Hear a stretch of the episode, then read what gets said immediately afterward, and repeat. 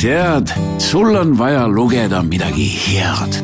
oled sa tudeng või spetsialist või lihtsalt romantik Krisostoomuse raamatupoodi mahub üle kümne miljoni raamatu tervest maailmast ja iga päev lisandub värsket lugemist. ilukirjandusest spetsiaalsete ja haruldaste erialaraamatuteni, paberraamatutest kuni e-raamatute ja e-lugeriteni. ühesõnaga, meil on kõike. Vaata kohe kriso.ee ja telli midagi sisukat.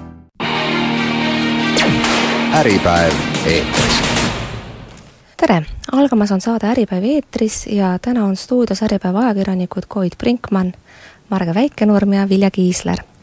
tahame rääkida täna kahest suurest teemast, esiteks üks järjekordne näide mõjuka reformierakondlase Rain Rosimannuse äristiilist, ehk siis lugu sellest, kuidas Alexela Oili raha õlitas Rosimannuse äri. ja tänases Äripäevas räägib siis suu puhtaks Rosimannuse äripartner ja teiseks äh, otsime vastust küsimusele, miks on Eestist saamas riik, kuhu investor ei taha tulla. olukord on seda kummalisem, et investeeringud on Eestis jätkuvas madal languses, madalseisus. investeeringuid oleks hädasti vaja, ometi aga tundub, et Eesti riik teeb takistusi neile, kes neid siia tuua tahaksid. äripäev eetris aga alustame siis äh, sellest, millest kirjutab tänapäev, tänase Äripäeva kaanelugu ehk Rain Rosimannuse ärist.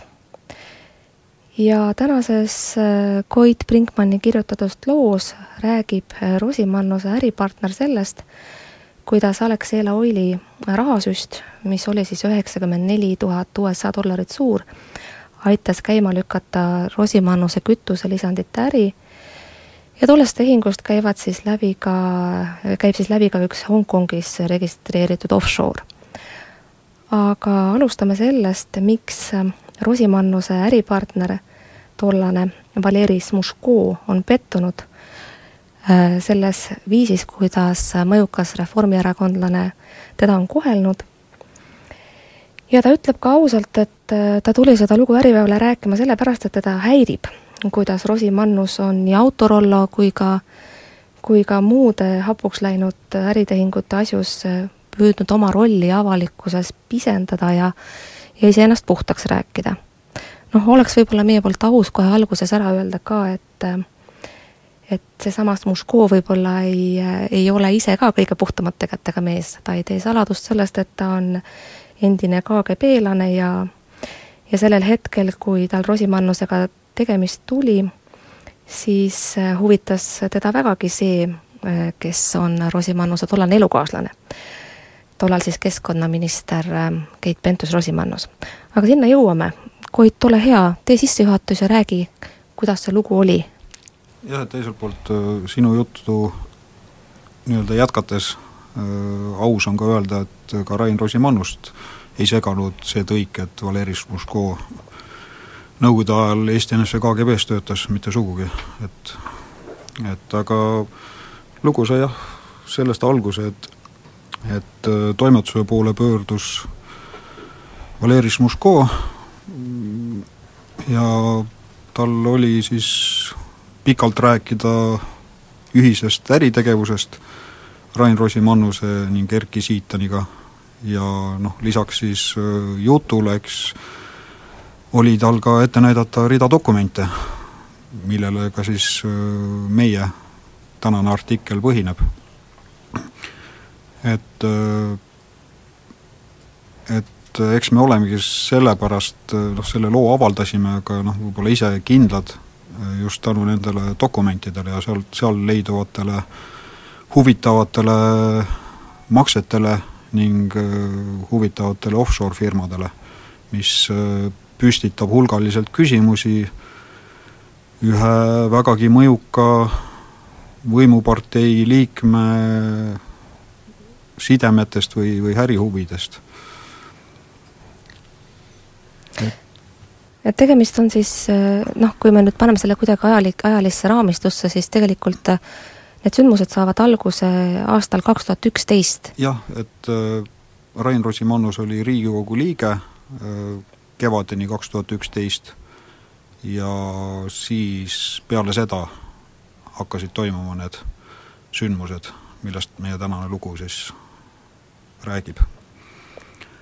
Aga noh, Rain Rosimannus ei olnud ju sugugi eemaldunud Reformierakonnast, et et temast sai äh, kodanikuhariduse sihtasutuse, mis siis on hästi tihedalt Reformierakonnaga seotud, selle juht.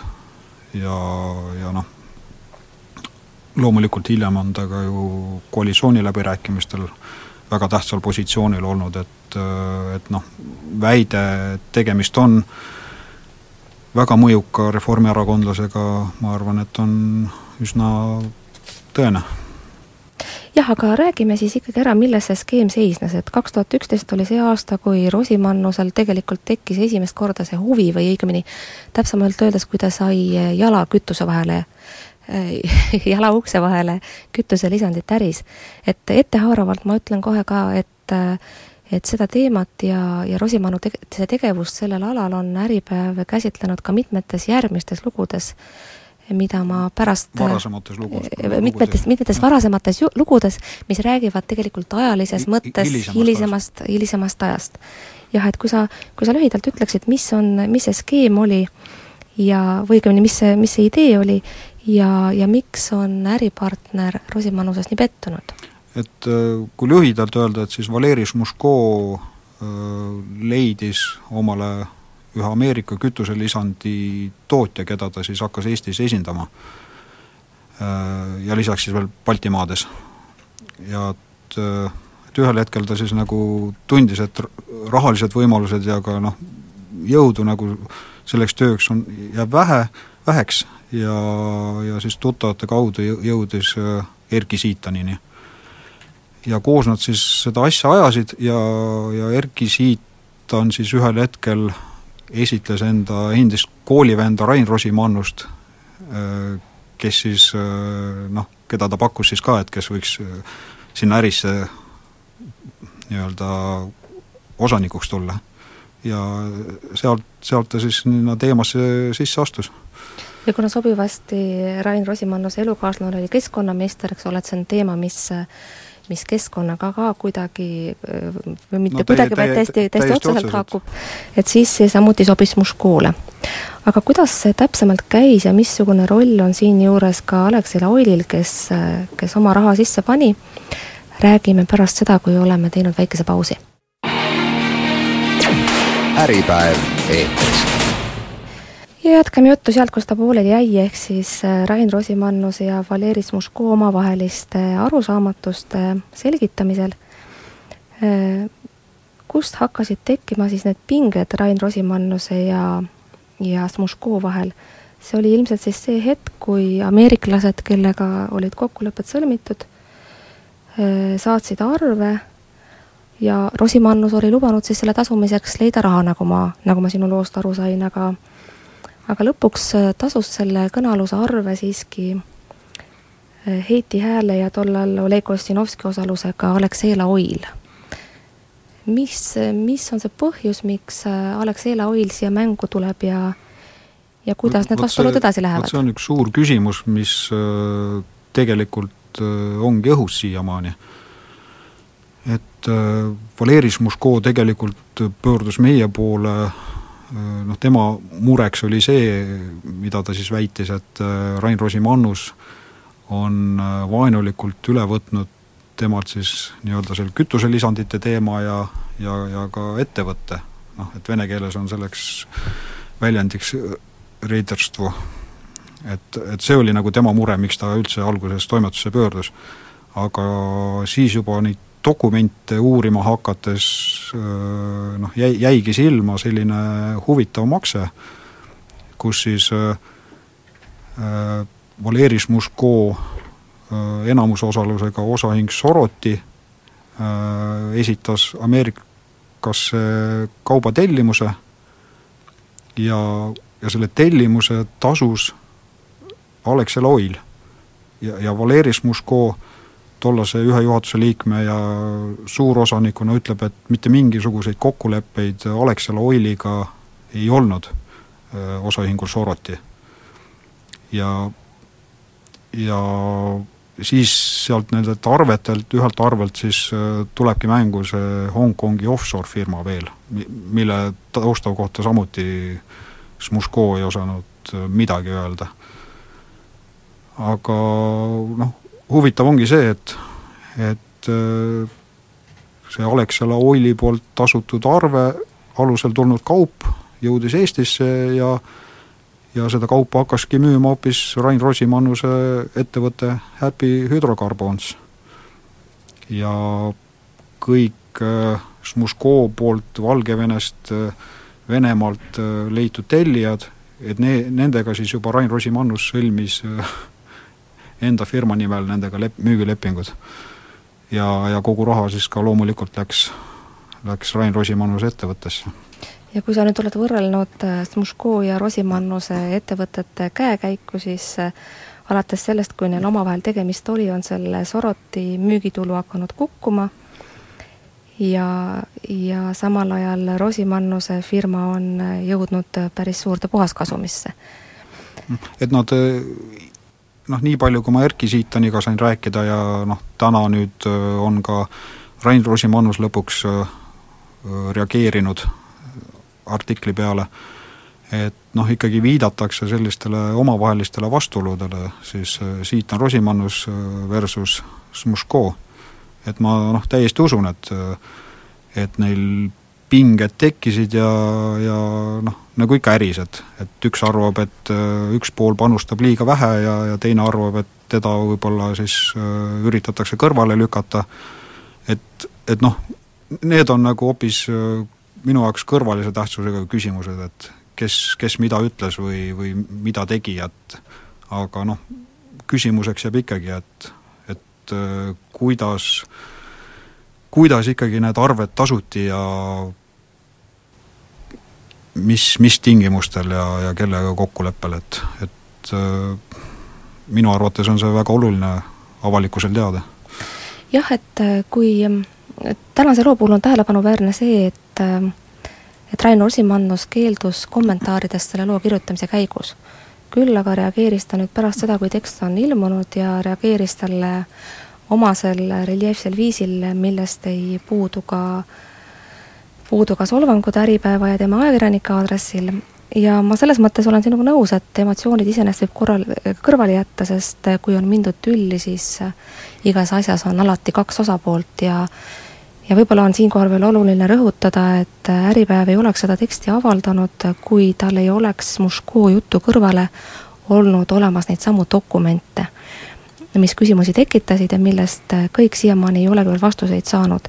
ja nagu sa alguses väga täpselt märkisid, et et nõnda, nagu Smuško ise ei tee mei-, Äripäevaga rääkides saladust oma minevikust, ei, ei häirinud see omal ajal, kui ta äh, Äh, kui, kui Rain Rosimannus neid kokkuleppeid sõlmima hakkas ja oma äri alustas, äh, Rosimannust ennast ka kuigivõrd. erinevalt tänasest kirjast, kus ta vist oli lausa pealkirjaks pannud, et et on, ja. on sul see olemas, et jah, et, et äh, saadetis, mis täna Äripäeva toimetusse saabus, Rain Rosimannuse sulest kannab pealkirja Äripäev avaldas endise KGB-lase kontrollimata valesid et siinkohal tuleb öelda, et ei, ei ole kontrollimata, paberid on ees ja see, et tegemist on endise KGB-lasega, on meil tänases loos ilusti kirjas ja, ja ja see ei ole ju nii oluline praegu nende noh, tekkinud küsimuste valguses. Jah, aga võib-olla siis korra natukene eh, kuulajale meenutada ka seda, miks Äripäev on Rain Rosimannuse isikut eh, ka varem tähelepanu orbiidis hoidnud ja kuidas see kütuseäri iseenesest edasi on läinud või kütuselisandite äri. et nimelt üks tänase, tänavuse aasta Bonnieri preemia nominente on Äripäeva lugude sari nimelt Rain Rosimannuse äristiilist. Ehk siis tänane tekst räägib sellest, kuidas see kütuselisandite äri algas, aga varasemalt sellest, mismoodi see saaga edasi läks juba siis teiste partneritega. Need on kolm teksti, mis on kirjut-, kirjutatud eelmise aasta sügisel ja kui neid äh, suhteliselt keerulisi äh, ärisuhteid kajastavaid tekste kuidagi lühidalt katsuda kokku võtta, ühtlasi siis põhjendades, miks me seda, miks me seda Rain Rosimannust nii-öelda kiusame, nagu see temale paistab, meie meelest mitte, põhjus on osaliselt ikkagi nendes samades koalitsiooni läbirääkimistes, kus Reformierakonna esindajana Rain Rosimannus kohal oli ja kes nende koalitsiooni läbirääkimistel kokku lepitud seadusemustatuste näol asuski oma kütuseäri edendama, siis tollal juba koos Richard Tomingasega Nad olid nimelt avastanud viisi, kuidas diislikütust lisanditega segada nii, et aktsiis sulab justkui kümme korda väiksemaks, riigil aga jääb saamata miljoneid eurosid aktsiisitulu. ja see äri iseenesest saigi hoo sisse ma igaks juhuks täpsustan vahele, et Rain Rosimannus ise ei olnud selles äh, nii-öelda raske kütuse segamise äris, vaid äh, tema, neil, neil oli siis ühine äri nendesamade Richard Toomingase ja Kristjan Oleiga Äh, kus nad pidid hakkama Tallinkile müüma äh, emulsioonikütust ehk veega segatud diislikütust. jah, just sinna ma tahtsingi jõuda -hmm. et, et selle loo ilmumise ajaks juba ei olnud siin tegemist üldse kütte, kütteõliga, vaid emulsioonkütuste äriga. ehk siis pakuti põlemist soodustavaid ja heitmeid vähendavad kütuse lihan-, lisandeid koos just sellesama Tomingase ja ja veel kahe, kahe äripartneriga ja Maksuamet siis võttis selle luubi alla Äh, rõhutan veel korra, et need on need koalitsiooni läbirääkimised, millest me siin räägime, on siis needsamad äh, kahe tuhande neljateistkümnenda aasta läbirääkimised, milles Rosimannus enda sõnul osales äh, vallakirjutaja rollis. ja seal plaanid olid iseenesest väga suured, Aafrikat ja Aasiat oli plaanis vallutada, aga umbes kuu aega pärast nende lugude ilmumist teatas Rain Rosimannus, et et on sellest ettevõttest, Novus Green Oil oli selle nimi väljunud.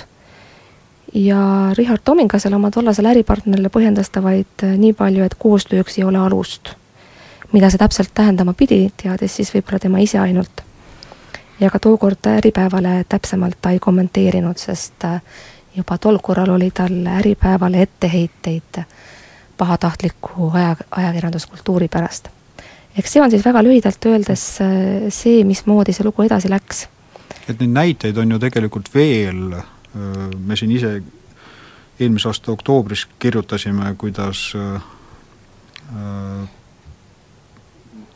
või, või oli de-, detsembris, et kuidas Rain Rosimannuse Erki Siitani meditsiinikatehnika ettevõte Doktor Baltic jäi Leedu partnerile üle saja tuhande euro võlgu ja ja et kuigi siin aastaid jagati lubadusi, et lõpuks see võlg jäi siis äh, tuntud firmade matjale maha. et äh, et siin noh, ja lisaks siis veel see Autorolle case, eks, mis siiamaani kestab ja, ja kindlasti väga head valgust äh, Rain Rosimannuse tegemistele ei heida. et võib-olla siin tekibki küsimus, et, et inimene, keda siin poliitikas on peetud selliseks poliittehnoloogia geeniuseks, et miks, miks tal äris siis nii hästi ei lähe? jah, ja küsimus on ka selles, et miks on kõik äripartnerid äh, alati pahased, miks jäävad maha võlad ja miks on mängus offshore'id?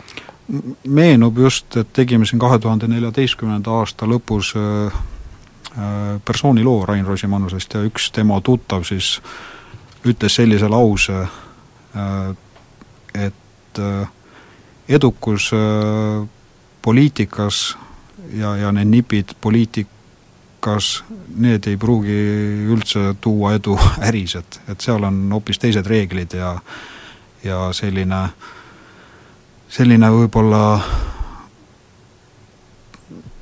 selline käitumine tõesti nagu poliitikas on, ärisse ei sobi alati.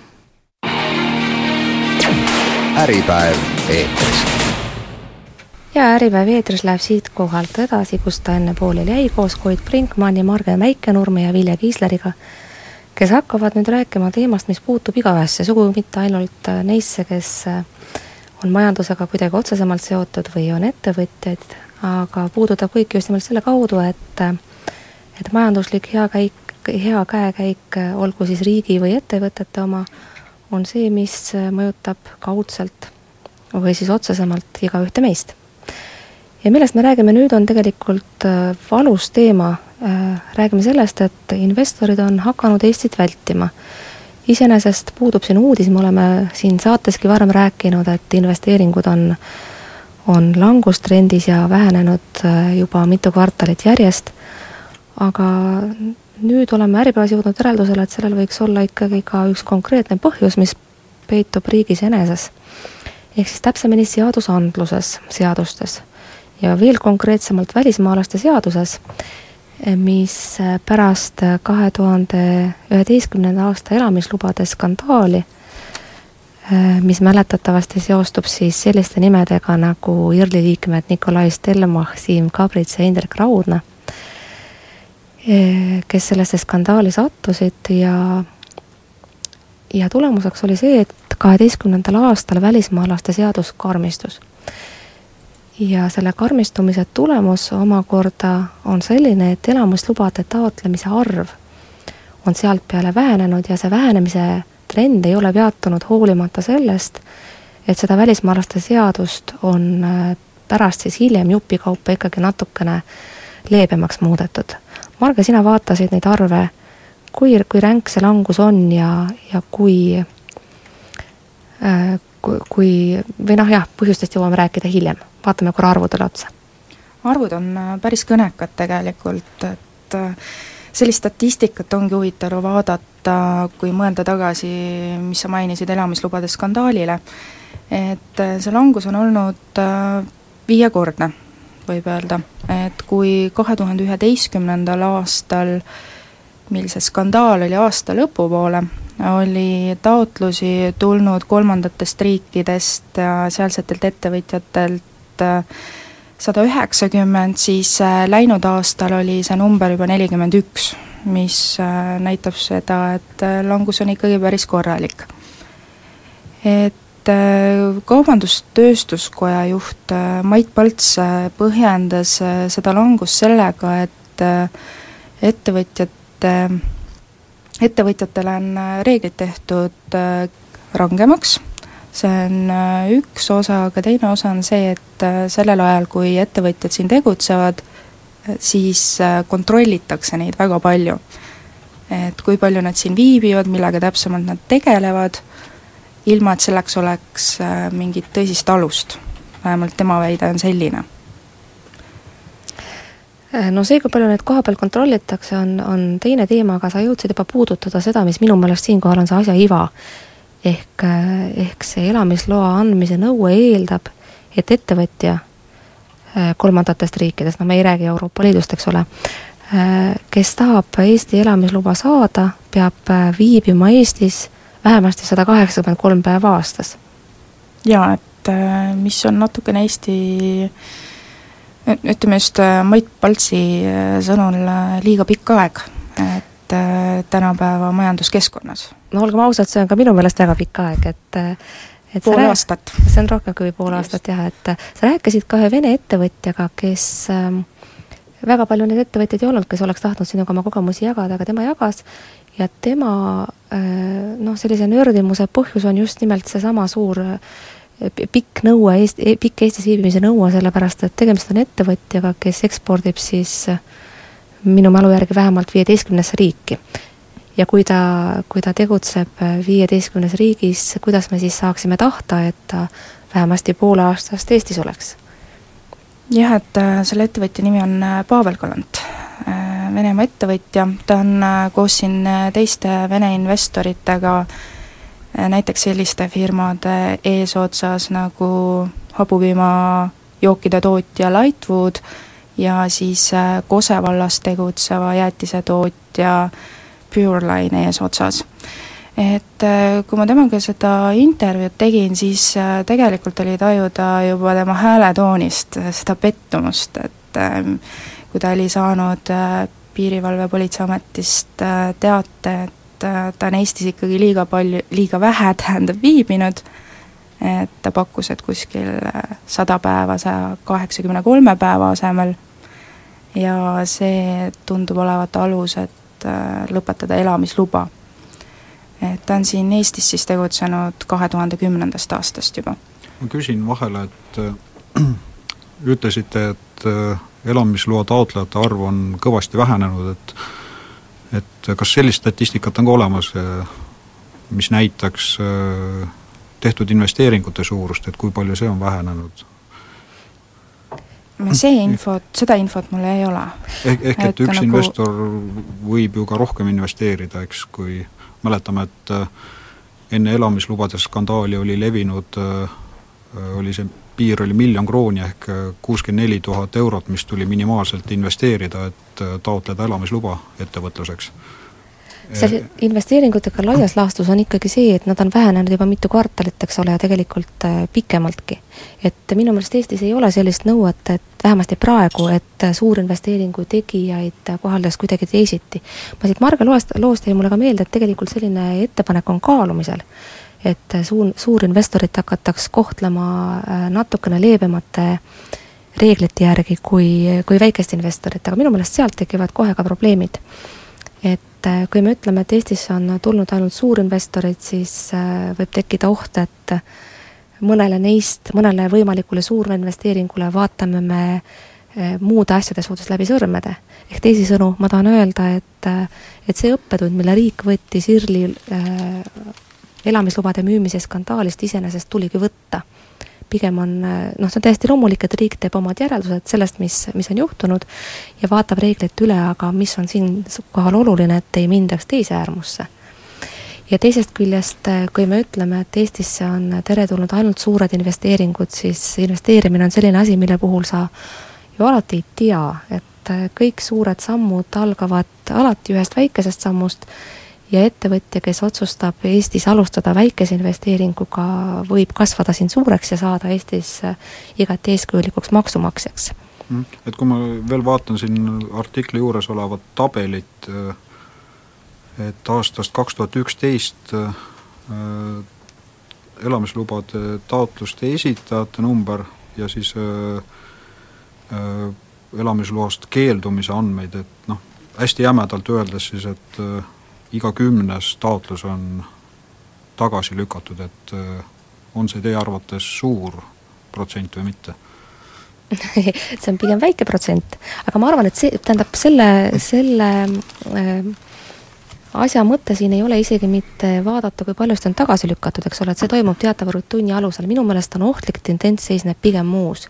pigem selles, et Eestist on saamas riik, mille kohta on teada, et selle loa taotlemine on nii keeruline või ettevõtjale niivõrd tülikas, et ta ei hakkagi seda enam taotlema.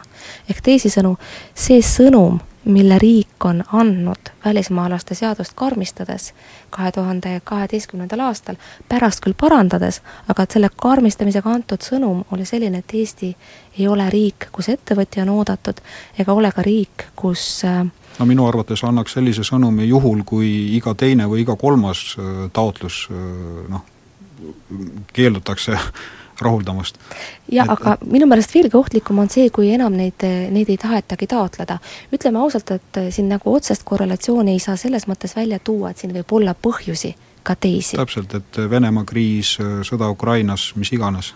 just, et siin võib olla põhjusi ka teisi ja see on, see on oluline siinkohal tähele panna, räägime sellest äh, täpsemalt pärast pausi ja siis paneme tegelikult selle investeeringute ja ettevõtjate tõrjumise, mis meil veel mõne aspekti poolest on ka kahtluse all, ka laiemasse konteksti.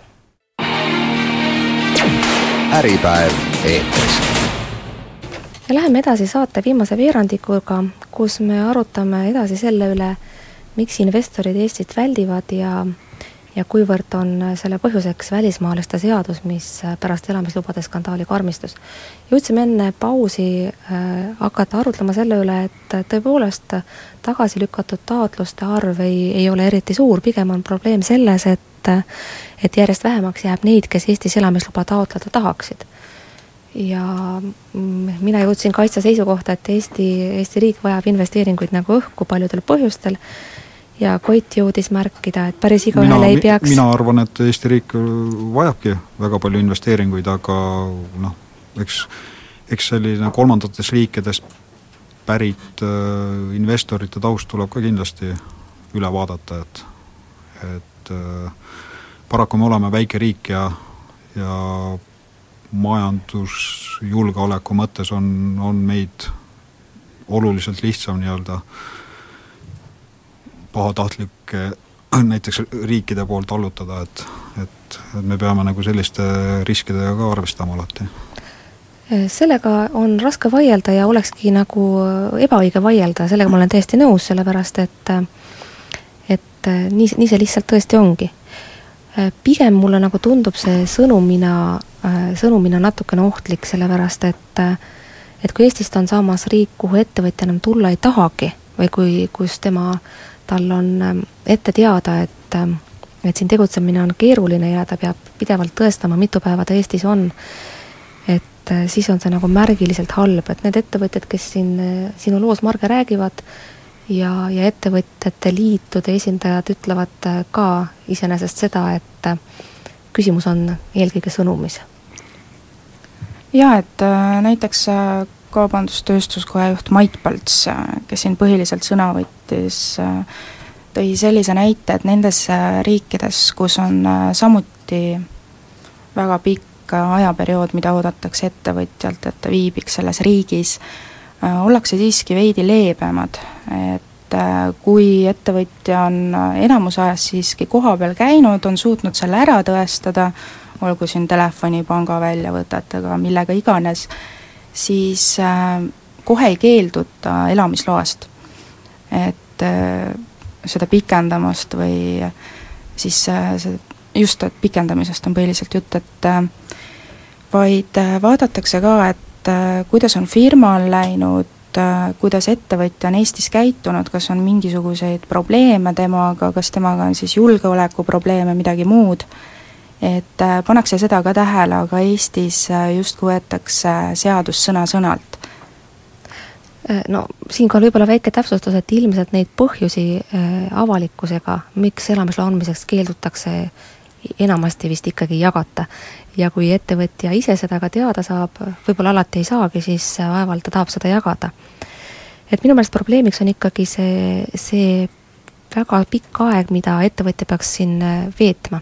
muidugi, siin on ka omad vastuargumendid, mis minu meelest oleks oluline ka ära nimetada, ehk needsamad, mida Hanno Pevkur ja teisedki riigi esindajad on siinkohal ette toonud, et ja see, need on, nad on tõesed, et tõepoolest ettevõtja ainus võimalus Eestis äri teha ei ole sugugi taotleda siin elamisluba ainult, sest äh, meil on teatavasti e-residentsus, mis äh, mis areneb ja millega seotud võimalused äh, muutuvad ettevõtjale loodetavasti järjest atraktiivsemaks. Ja teisest küljest ettevõtte omanik selles, selleks, et ettevõte saaks Eestis tegutseda, ei pea tingimata siin viibima, ei pea tingimata viibima, et ta võib oma äri ajada ka viisil, et ta on kohapeal palganud tegevjuhtkonna, keda ta usaldab, ja oma äril äh, silma peal hoida tegelikult saab ta ju kasutades ka elektroonilisi vahendeid. See on täiesti tõsi ja, ja on täitsa selge, et paljud ettevõtted selliseid võimalusi kasutavadki äh,. või siis käia viisa alusel või käia viisa alusel, et need võimalused kõik on olemas ja, ja me üldse ei tahagi eitada, et nad on olemas. küsimus on lihtsalt, et alati nad ei pruugi kõikidele, kõikidele ettevõtjatele ühtemoodi sobida. ehk kui on tegemist sellise toote või teenuse pakkumisega, mille puhul ettevõtte omanikule tundub, et tal oleks vaja siin kohapeal viibida, et oma äriga kõige paremini kursis olla, siis siis võib juhtuda, et need, need argumendid, eks ole, mis me tõime äh, noh, siin nagu vastuargumendid, need on te-, noh, tegelikult tema jaoks igal konkreetsel juhul ei pruugi ühtemoodi mm, hästi kehtida. eks selle seaduse rakendamisel siis võiks olla rohkem paindlikkust ja võib-olla individuaalselt iga kord üle vaadata, et kas ja kuidas. No see paindlikkus tegelikult vist on Eesti riigi mure ka paljudes muudes asjades, et kui me, kui me sedasama pagulaste teematki vaatame, siis seal on, või noh, pagulaste sisserändajate, siis seal on ju kogu see asjaajamine takerdunud sageli ka just nimelt selle seaduse tähe järgimisse ja bürokraatiasse, aga aga palju vähem on arvesse võetud inimlikke argumente ja pragmaatilisi sealhulgas. aga miks see investeeringute teema on ikkagi nii terav või miks, miks see tundub nii oluline, on ikkagi see, et, ähm, et majandus ju ei kasva. majanduse kasvunumbrid mõõdetakse null koma noh, midagi, kuidas ta parasjagu on. ja needsamad ettevõtete investeeringud Eesti majanduses on äh, kahanenud juba mitu kvartalit järjest ja vähe sellest, et kahaneb nende absoluutmaht, kahaneb ka nende osatähtsus SKP-s. viimati siis jõudis see kukkuda kahekümne aasta kõige madalamale tasemele, kui kui kõige akuutsem kriis välja jätta. ja kui me paneme siia kõrvale, et äh, hiljaaegu mm, saime Äripäevast lugeda, et äh, kui kui eelmisel aastal kasutati nendest mustade päevade summadest ehk siis riigi reservidest ära kolmsada viiskümmend miljonit eurot, siis siis tänavu võetakse sealt neid jällegi. Ja, ja pea-, mis see reservide kallale mineku põhjus on? Peamiselt see ajaline nihe euroraha kasutamisel ehk teisisõnu, see näitab tegelikult Eesti majanduse kohta seda, et et see tiksub nii-öelda euroraha äh, kättesaadavuse taktis. Kuna... ja, ja kiire hooga liginemist viie Euroopa rikkama riigi hulka ei paista kusagilt jah, täpselt, et kuni me sõltume, kuni me sõltume eurorahast nii oluliselt ja, ja sellest ja see, ja selle laekumine tähendab seda, et kas me peame reservide kallale minema või mitte, siis, siis jah. ja kui me paneme siia juurde, et töötuse, töötuse määr on praegu viie protsendi ümber, see tähendab, tööhõive on erakordselt kõrge ja ja tööjõupuudus on erakordselt suur, noh ja lisame siia veel, ma ei tea, kinnisvaraturu rekordid ja selle, et kaubakeskusi kerkib nagu seini pärast vihjuma, palgad tõusevad, kindlustunne on hea, majandus ei kasva, eksport kidub, eks ole. et lõpuks jõuame ikkagi välja selleni, et et kõrged tööjõumaksud takistavad majanduse kasvu ja ja võib-olla peame endale ka tunnistama, et äh, kakskümmend aastat tagasi tehtud investeeringute tulumaksuvabastus ei, ei olegi see, mis äh, investeerima ärgitaks ettevõtjat. sellepärast, et ähm, et iseenesest, kui see kord loodi, siis äh, tema mõte, mõte selles oli, et ta võiks investeeringuid ärgitada, aga aga tänase seisuga me peame endale tunnistama, et äh, ta oma eesmärki sellisena enam ei täida. ja kui sa selle teema kokku võtaksid, et mida siis tuleks äh, muuta, et äh, kolmandatest riikidest tuleksid, tuleks rohkem investoreid, nad oleksid huvitatud äh, ma arvan, et üks, üks, üks võtmesõna on siinkohal seesama paindlikkus. et ja teiseks ka riigile, riigi poolt teadvustamine, et investeeringuid on äh, ikkagi väga vaja.